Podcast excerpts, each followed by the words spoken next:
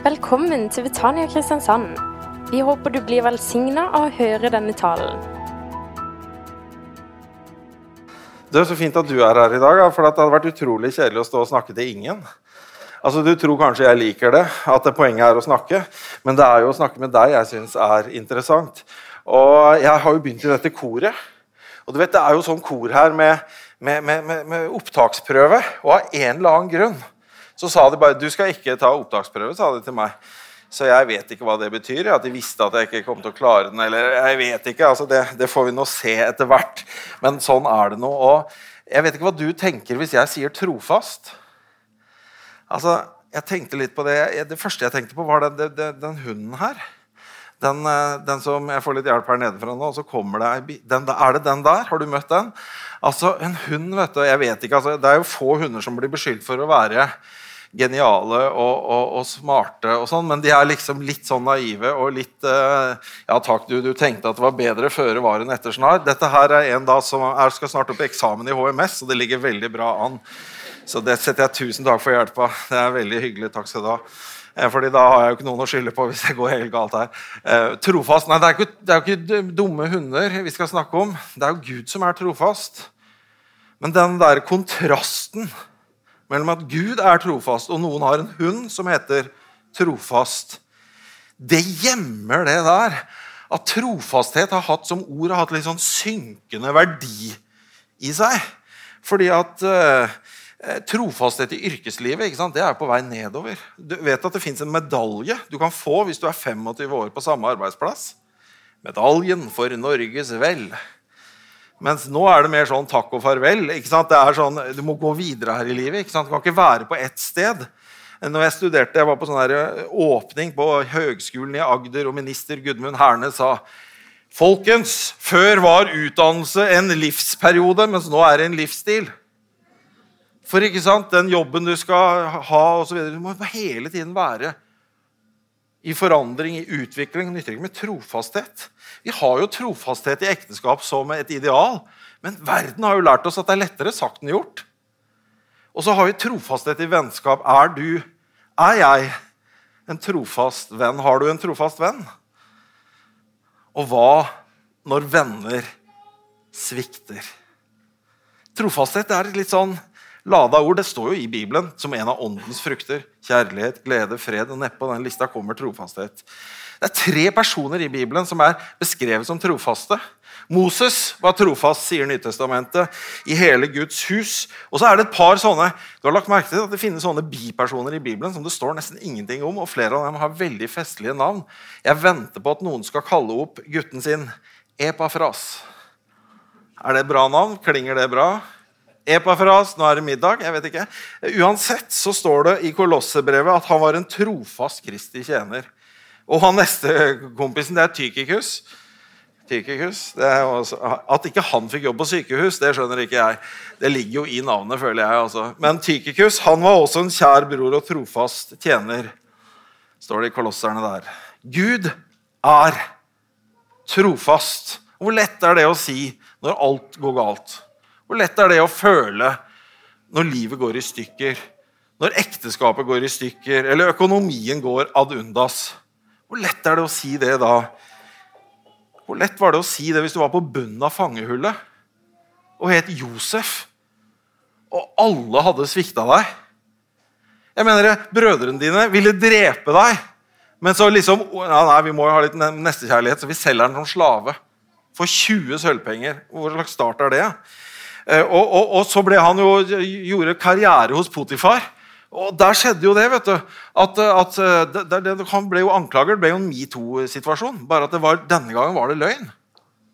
Så Det, var, det står ikke navnet hennes engang, så vi må bare kalle henne Potimor. Så hun kom med falske anklager, og han rett i fengsel. Hvor, hvor gøy er det? Og så er han der sammen med faktisk, hva er det, bakeren. Nei da, det var, det var bakeren og munnskjenken til farao, og de får drømmer. Og, og, og, Han bare tyder drømmene og sier til bakeren 'Sorry, kompis, du blir henretta i overmorgen'. Og, og til munnskjenken sa han 'Det der er veldig bra med de der druene og i begeret. Du får rett tilbake på jobb. Hils uh, farao fra meg', da. Men han glemte han helt. vet du. Så der sitter han nede alene. Hvor lett er det å bli bitter da? Tror du han følte 'Halleluja, Gud er trofast'? Men Gud var trofast. Han hadde ikke glemt han. Men nå må vi parkere han der litt, litt, og så snakker vi om noe annet i mellomtiden. For du skjønner, frelsen er trofast mot deg. Det står i Bibelen, i 1. Johannes brev, kapittel 1, eh, vers 7, at Jesu, Guds sønns blod, renser fra all synd. Det står faktisk 'all synd'.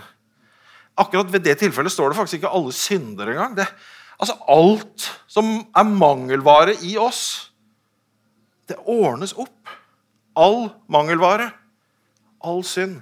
Så står det et par vers etterpå, i vers 9, dersom vi bekjenner våre synder, det er jo de vi vet om, så er han trofast og rettferdig, og han renser oss fra all urettferdighet og forlater oss syndene. Og så Rett etterpå så står det det er på en måte som det beskrives en rettssak. I kapittel 2 der så står det mine barn, jeg skriver til dere for at dere ikke skal synde. Men hvis dere synder, så har dere en talsmann eller en advokat. Bildet som da kommer fram, det, skjønner, det er at det er rettssal i himmelen. og Der er det Gud som er dommer. Det er veldig bra, for eh, altså, Gud dømmer alle.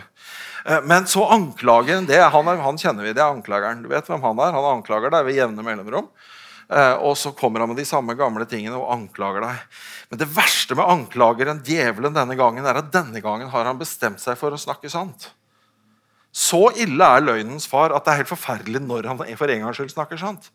For da kommer han bare med ja, men han gjorde det. Da snakker han om meg da. Og så gjorde han det, og så gjorde han ikke det. Og det der sa han, og det der gjorde han. Og du bare gremmer deg mer og mer og tenker ja, alt sammen, Hvordan visste han det? Det er jo det verste jeg har gjort. Så kommer hele lista. Hvordan hadde du likt det hvis det ble lagd en film over det verste du har gjort?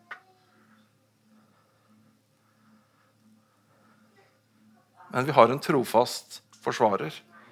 Så Har du sett på sånn TV? Objection, your honor, hvis det var engelsk. da, hvis det var engelsk det gikk i. Protest!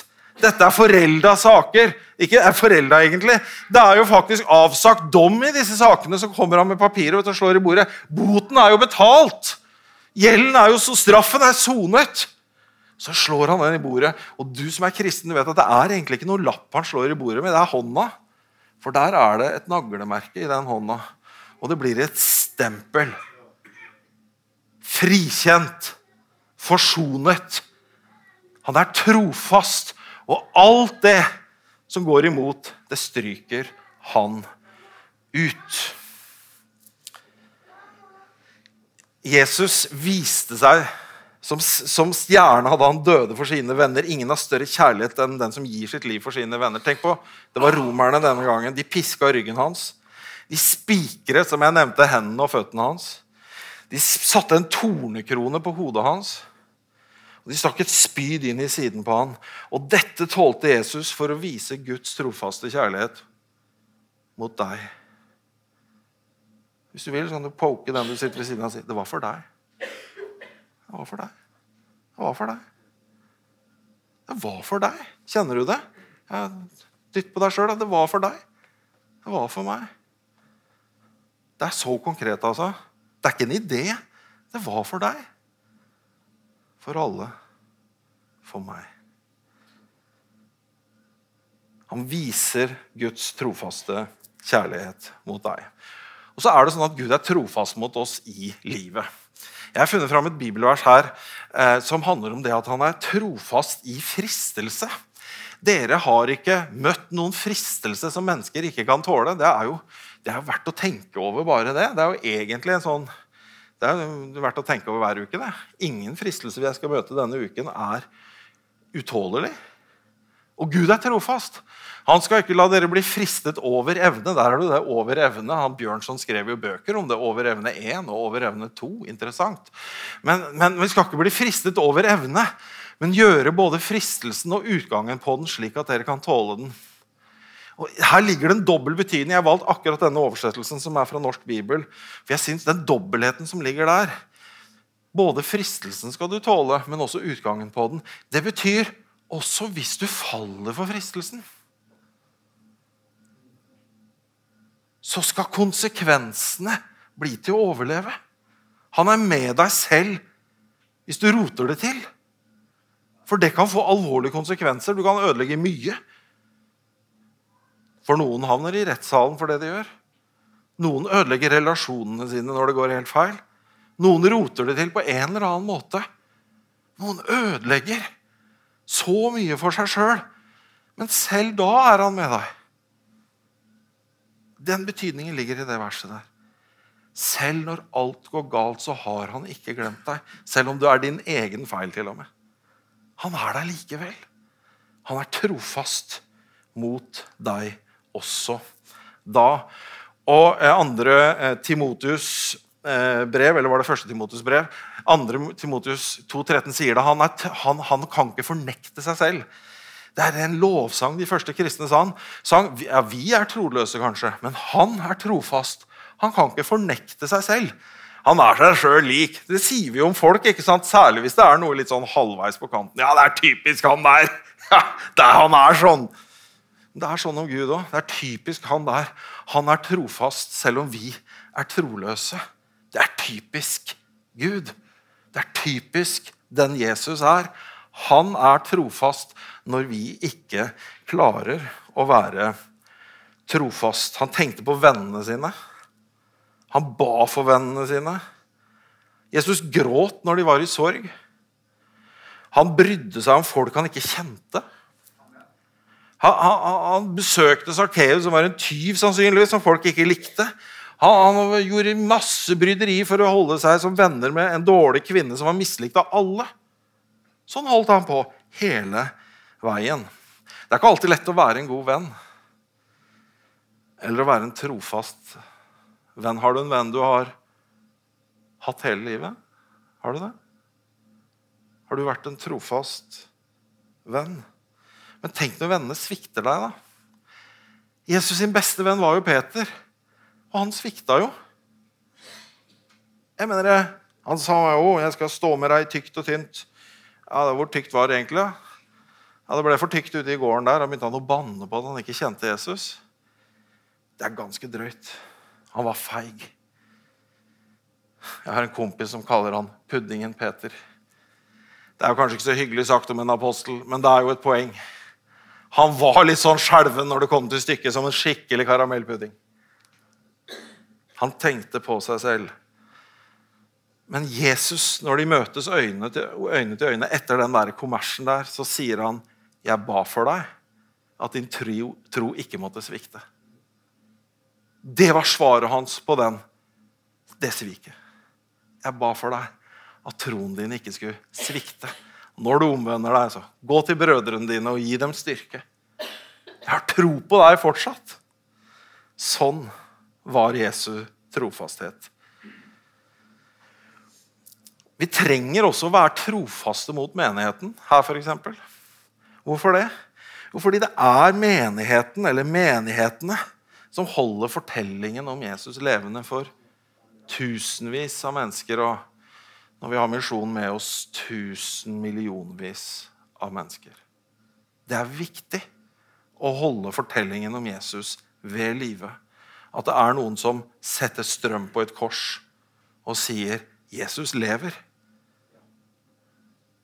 Det er vår jobb å være trofast mot det budskapet.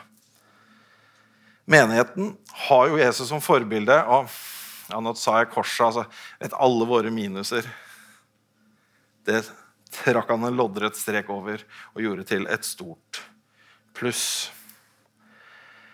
Bibelen sier i 1. Korinterbrev kapittel 1 og vers 9 Gud er trofast. Han har kalt dere til fellesskap med, min sønn, med sin sønn Jesus Kristus, vår Herre. Han som ga løftet, er trofast, sier Bibelen. Hva tror du Josef tenkte om Guds trofasthet den perioden han satt der nede på bånn? hvis, ikke, hvis, ikke, hvis ikke, du har frista til å bli bitter da, så skjønner jeg ingenting. Men så kommer plutselig budet. Du, Han fikk dårlig samvittighet, han der munnskjenken, og liksom tenkte ops, jeg har vel glemt en kompis her. Eh, så liksom bare Farao har begynt å få dårlige drømmer. Og så henter Josef opp og sier jeg har noen fryktelige drømmer, kan du tyde dem? Og så er han så tøff i trynet. Han sier ja, Det er Gud som kan tyde drømmer, men jeg kan snakke med han, jeg. Han, liksom, han våger seg på den liksom avmålte responsen. Og så snakkes det om syv fete kyr, kyr, kuer, kyr. Altså, det der er veldig, veldig vanskelig med norsk og svensk. Har du tenkt på det? Altså, for Kor vet du, på svensk det betyr kyr. Så de syns alltid det er rart når ungdomskyret skal synge. Det er, det er sånne ting, Mens, mens vi dop, det, det syns vi er rart. Når de har dåp, så har vi så det, er dop, vet du, og det forbinder jo vi med noe helt annet. Så, så, det er jo litt sånn, det går litt på hugg og belegg av og til. Men farao han hadde altså drømt om de syv fete kyr og de syv magre kyr. Og så sier den er grei, sier Josef. Gud sier at det er syv gode år og syv dårlige år. Vi trenger et oljefond. Men det skjønte de ikke hva det var. Så de måtte kalle det kornfond. Men det var jo det samme. Vi sparer opp i gode tider, så vi har litt å stå imot med når flodbølgen kommer.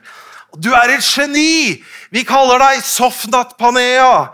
Ja, det er nesten en straff å bli kalt det. Det er så mange rare bibelske navn. Men å bli kalt det, men det betyr Gud taler, og, og, du hører, eller du tyder. Og Han ble statsminister. Han fikk vel gifte seg med Miss Egypt, eller hvem det var. Og, og han får barn, der, vet du, Manasse og Efraim, og så kommer brødrene. Så kommer brødrene. De kjenner han ikke igjen. Så egyptisk har han blitt. Det er noe med håret, det er noe med parfymen, det er noe med klærne. Det er noe med det, et eller annet. Det er liksom helt annerledes. De kjenner han ikke igjen. Ti av brødrene kom han. Faktisk bare ti nøyaktig. Hans ti, samtlige ti halvbrødre. Og Det ender opp med at han lager problemer for dem og holder Simon til fange. En av de som virkelig var en hissigpropp. Og så, når tiden er gått, så kommer de tilbake og har med Josefs egen kjære, kjære lillebror Benjamin. De kjenner han ikke igjen. Han driver med et eller annet spill. Han legger gullbegeret sitt i, i, sekken. Når de skal dra dagen etterpå, så sier han 'Dere har stjålet fra meg!' Og så renner gullbegeret ut av den elskedes sønn. Av Benjamins sønn. Av den som faren elsket mest av alle. For han hadde bare én igjen av de to sønnene han hadde fått med favorittkona si. Det var så mye kjærlighet, det var så mye fortvilelse. Og så sier Josef, 'Han skal dø!' Og da melder de seg, den ene etter de andre av brødrene. 'Ta meg istedenfor! Ta meg istedenfor! Ta meg istedenfor!' Så for han ville de gå i døden, alle som en. Men han ville de sende i døden. Da gråter Josef. Han jager ut alle sammen. Hvorfor gråter Josef? Han gråter fordi han tilgir. Han gråter fordi han tilgir. Han gråter fordi han slipper taket. Han har drevet det der skuespillet veldig langt. Kanskje var han ekte i tvil om han skulle hevne seg eller om han skulle være storsinnet. Men han velger storsinnet. Han velger det gode og sier, 'Dere tenkte det til ondt, men Gud tenkte det til godt.' Det var jo for å berge familien vår at Gud lot meg oppleve dette. Det var jo frelsesplanen hans. det at jeg skulle lide urettferdig. Plutselig har han sett at Gud er trofast. Gud er trofast. Du kan være der at du tenker Nei, Gud har glemt meg. Nei, jeg, død og ulykke og elendighet og urettferdighet har rammet meg. Gud har glemt meg. Jeg skjønner at du føler det sånn. Jeg bebreider deg ikke. Men Gud har ikke glemt deg. Gud er trofast, selv om du ikke ser, ikke hører, ikke senser det. Han har ikke glemt sine løfter. Han, kan, han er seg sjøl lik. Han kan ikke fornekte den han selv er. Sånn er det med denne situasjonen. På slutten av Josef-historien så henter det jo fader Jakob. Han tror jo ikke sine egne ører, så han kommer ned. Og der har du fått, Jeg elsker det maleriet der ser du til og med at jeg, jeg sneik meg Det er noen som har rett og slett tatt fram fotografiapparatet og tatt bilde av bildet inni ei ramme. ser du det? Og det har jeg stjålet fra Internett. Så Det er sikkert en eller annen kunstner fra 1600-tallet som ikke får honoraret sitt, men jeg, jeg, tok meg den friheten, for jeg syns det var viktigere da, å gi deg et lite bilde av hva som skjer her. For du skjønner, det er Manasse som er eldst. Barnebarn. Så er det Efraim som er yngst. Barnebarn gjennom Josef. Og så skjer dette at Josef vil på en måte eh, Han skal liksom få noe velsigna tilbake. Og fader Jakob, som er den gamle patriarken Hvis du har lest i Bibelen, så skjønner du hva jeg snakker om nå. Hvis ikke så har du en kjempespennende kveld foran deg. Det er siste, nå snakker jeg om hele siste halvdel av første Mosebok.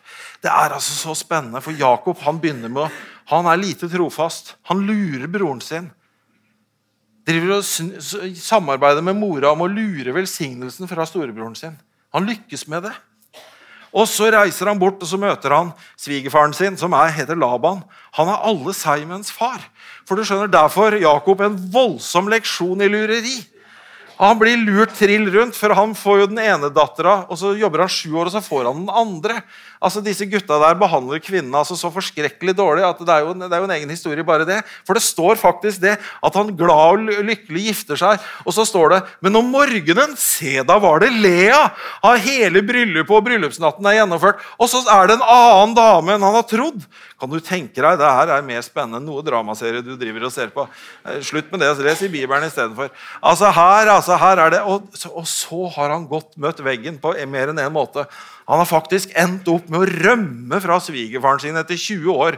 Med så mye unger og så mye sauer at det er jo nesten ikke til å få med seg over ørkenen. For så velsigna er han blitt.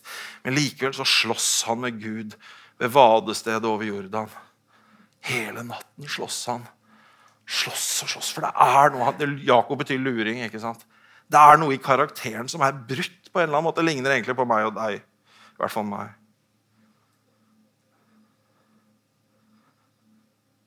Så slåss han hele natten. Jeg slipper deg ikke før du velsigner meg, sier engelen. Eh, nei, Jakob sier det til engelen. Slår han ham på hofta. Han halter resten av livet. Du skal ikke hete Jakob, du skal hete Israel, for du har kjempet med Gud og mennesker. Det er noe i han som blir helt.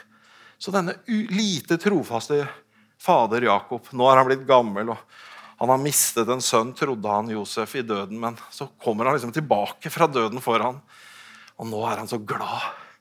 Han er så takknemlig. Han er blitt bestefar. Og han kjenner bare en så stor glede. og så Derfor så vil han si jeg, jeg, jeg vil adoptere disse to som mine sønner. Og det er Sånt skjønner ikke vi. Eh, det er en kultur som vi ikke helt skjønner, så det må vi bare akseptere at det ga veldig mening i deres kultur. Og Josef han gjør seg klar, for han tenker høyrehånda er den viktige hånda. Og det, det blir min venstrehånd, og der må jeg ha eldstemann. Eh, eh, Manasseh. Og så på min høyre hånd. Det blir eh, fatters venstre hånd, så det er den nummer to-hånda. Så da må jeg plassere nummer to der. Eh, det er e- Efraim, ja. Så, så, så, man, så, dytter han de frem liksom, så det skal bli riktig rekkefølge. Og så kommer han til Faderen over alt som bytter rekkefølge. Jakob, sier han. Sånn skal det være. Nei, pappa! Nå blir det feil! Så tegner fader Jakob korsets tegn. 2000 år omtrent før Jesus dør på korset. Og så tar han den som ikke er en førstefødt, og gjør han til en sønn. Han tar den som ikke er et folk, og gjør han til et folk. Og vi som er kristne, vi kan se gjennom det profetiske gjennom tiden og se ved korsets tegn så viser fader Jakob Guds trofasthet. Du som ikke var Guds barn, kan bli et Guds barn.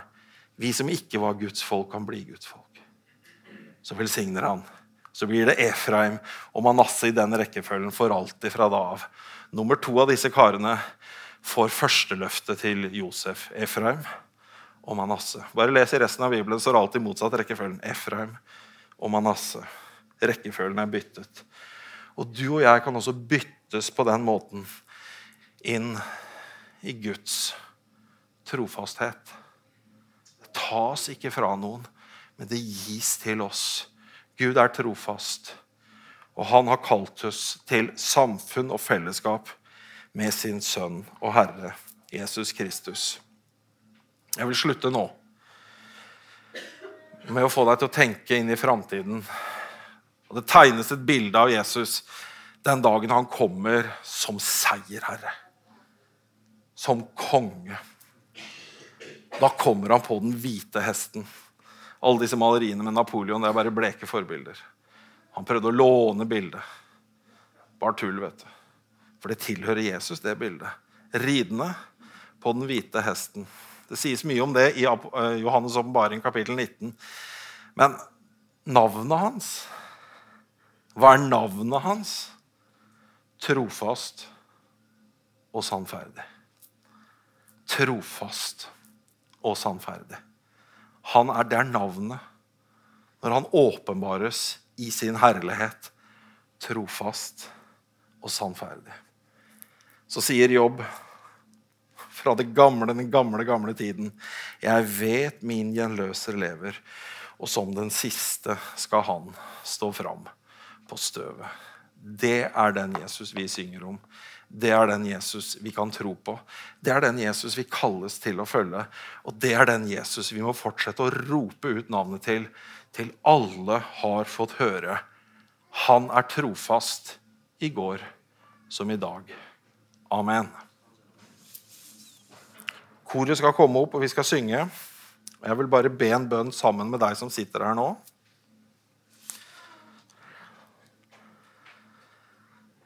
Kjære Jesus Kristus, du ser hvert menneske her. Jeg ber deg om at du må la Den hellige ånd tale de viktige ordene som er viktige i dag, og at det må skape handling og forvandling. Amen. Du har nå hørt en tale fra Betania Kristiansand. For mer informasjon kan du besøke våre hjemmesider på betaniakrs.no.